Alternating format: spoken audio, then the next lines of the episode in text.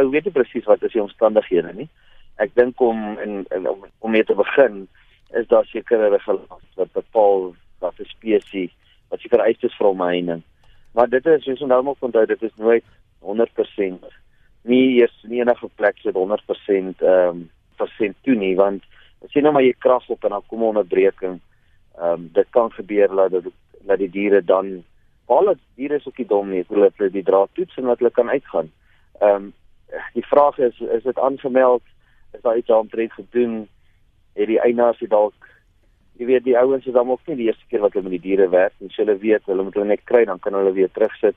Ek ek sê dit is moeilik om te sê jy weet is daar nalatigheid. Ehm um, jy weet dit is dis baie moeilik as mens nie al die al die al die feite ken nie, maar dit is moontlik dat diere wel ek bedoel daar's 'n daar's 'n algemene ding dat daar probleemdier permitte uitgereik word deur byvoorbeeld sandparke vir diere wat uit die kreer wil en deur daai hoë heininge gaan. Want so dit is dit is moontlik dat dit kan gebeur. Die toepas, jy praat nou van reëls en regulasies, wetgewing wat die aanhou van hierdie diere reguleer en meeste wille diere reguleer.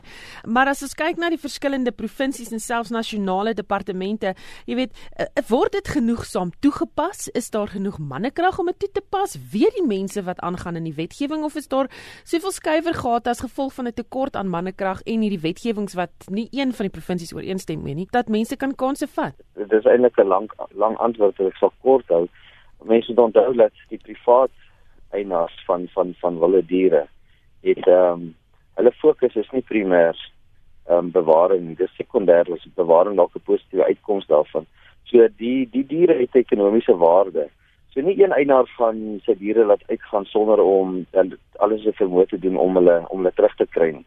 Dit is die een ding. Die ander ding is ek dink nie die die departement het net die kapasiteit om te kyk dat alles volgens wet wetgewing geskied of net om te kyk dat dit wel jy weet omheiningsinspeksies jare terug is gedoen op 'n gereelde basis permitte is er nie en so meer en so meer. So ek dink mense moet baie mooi gaan kyk waar lê die probleem en ek dink die probleem lê aan te min personeel en en kapasiteit wat nie daar is binne personeel om om om om dit uit te voer